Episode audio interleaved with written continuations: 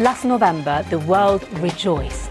The first vaccines for COVID 19 were ready. Could this be the beginning of the end of the pandemic? Well, not if you live in a poor country. Vaccines have started rolling out in the tens of millions in rich countries. But in low income countries, it's not even hundreds. That's partly because most of the vaccines have already been bought by rich nations. Canada has enough to immunize each citizen five times. We will now have 80 million doses of COVID 19 vaccines arriving this year. So, where does this leave the rest of the world? Ja, vaccineringen mot covid-19 är i full gång i många länder. Men i de fattigare länderna så har inte vaccineringen kommit igång. En av orsakerna är att rika länder som Kanada, Storbritannien och också Sverige köpt på sig mängder av doser. Ni har hört det ofta här i Daily det senaste året om pandemin och dess påverkan på samhället. Den senaste tiden har det pratats mycket om förseningar i det svenska vaccinationsprogrammet. Men hur ser det ut runt om i världen?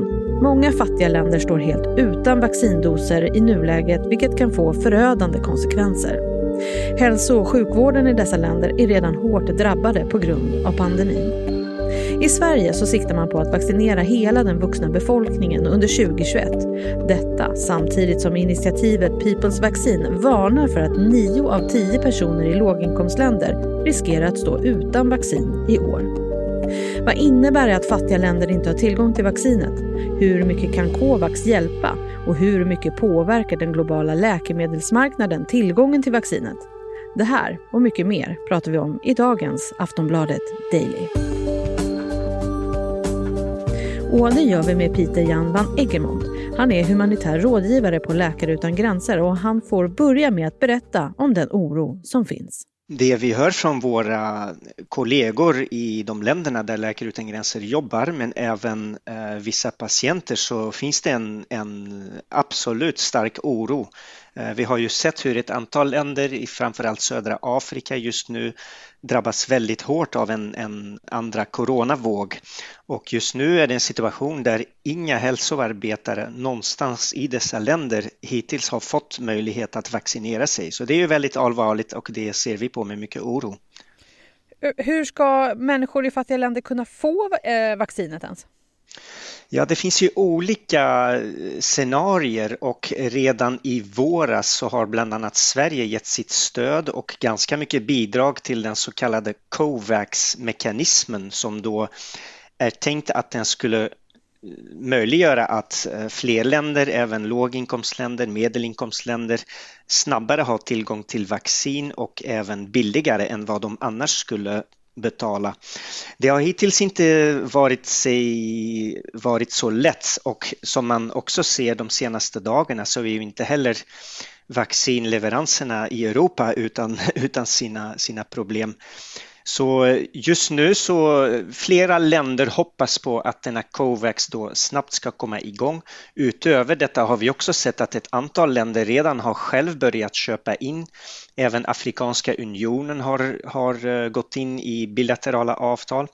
Så egentligen försöker länder runt om i världen, även de, de fattigare i vissa Afrik delar av Afrika, försöker göra samma sak fast de har ju betydligt sämre förutsättningar och inte minst budget i sin nationella hälsobudget för att kunna göra samma sak som europeiska länderna har gjort hittills. Och vi tar och pausar intervjun här lite för att bara förklara vad Covax är för någonting. Världshälsoorganisationen, WHO, ligger bakom det globala initiativet Covax tillsammans med vaccinalliansen Gavi som ska se till att även fattigare länder får tillgång till vaccinet. Målet har varit att med Covax hjälp kunna vaccinera sjukvårdspersonal och 20 procent av invånarna i 90 av de här länderna samtidigt. Att rika länder som Kanada och Sverige köper på sig mycket vaccin, det påverkar tillgången av vaccindoser till Covax. Så hur rimligt är det egentligen? Vi hör Peter Jan van Egmont igen.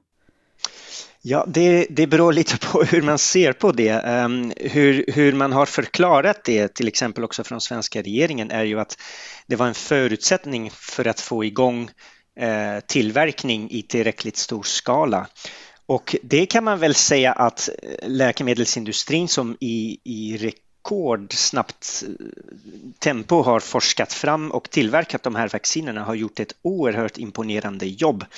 Sen kan man ju undra hur rimligt det är att eh, att länderna i den rikaste delen av, av världen som Hets köper vacciner, till och med i Sverige. Sveriges vaccinsamordnare för några dagar sedan sa att man har, eh, har säkrat vaccindoser för fyra gånger befolkningen i Europa. Eh, och man har, man har säkrat vaccin för 40 miljoner svenskar. Det innebär då också lågriskgrupper, alltså människor som egentligen rent eh, ur, ur, ur folkhälsosynpunkt inte är en prioriterad grupp.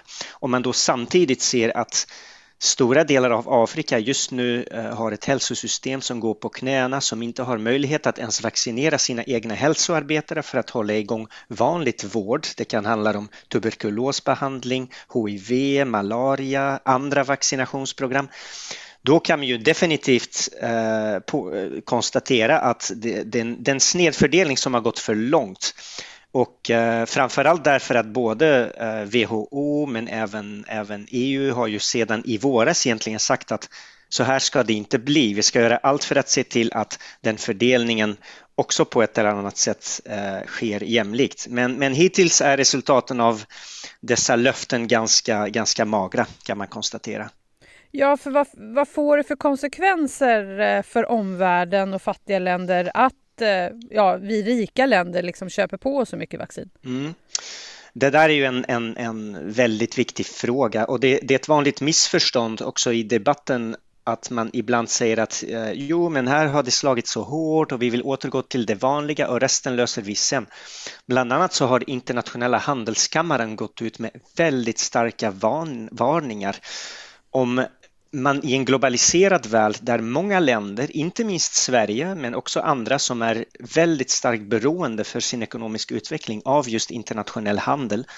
Om man gör misstaget att bara satsa på en del av världen så kommer det att kosta den, den, den globala ekonomin oerhört stora mängder eh, i förluster eh, ovanpå allt som pandemin redan har ställt till vad gäller Eh, förluster, konkurser överallt. Så de, de mest dystra prognoser, och det här är ändå en, en väldigt tonangivande ekonomisk institution i världen, de är, rätt, de är rätt allvarliga. Eh, så därför ska man inte göra misstaget att bara se på, okej, okay, en region som har drabbats väldigt hårt av corona. Det är ingen som förnekar detta, att Europa har tagit väldigt stora eh, förluster både i människoliv men även i ekonomi på grund av pandemin.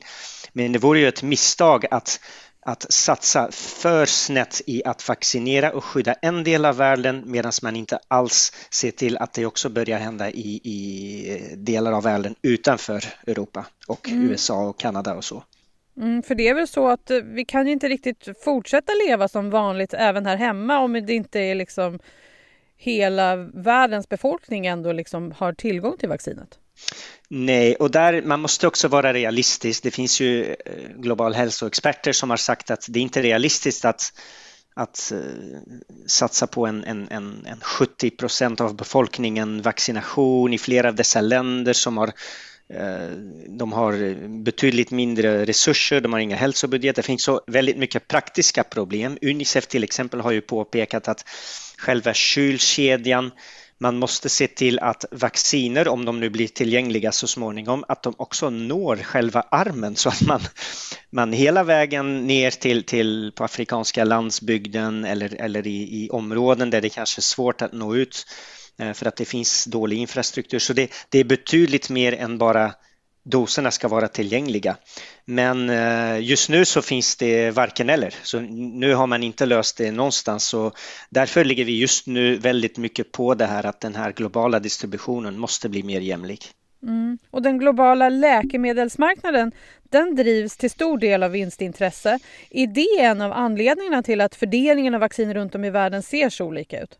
Mm. Det, det, är en, det, är en, del av förklaringen och det är ju en fråga som vi som Läkare utan gränser har drivit i snart 20 år. Vi har framförallt början på 2000-talet var det ju eh, när, när den, den, en annan pandemi eh, slog till i stora delar av framförallt södra Afrika.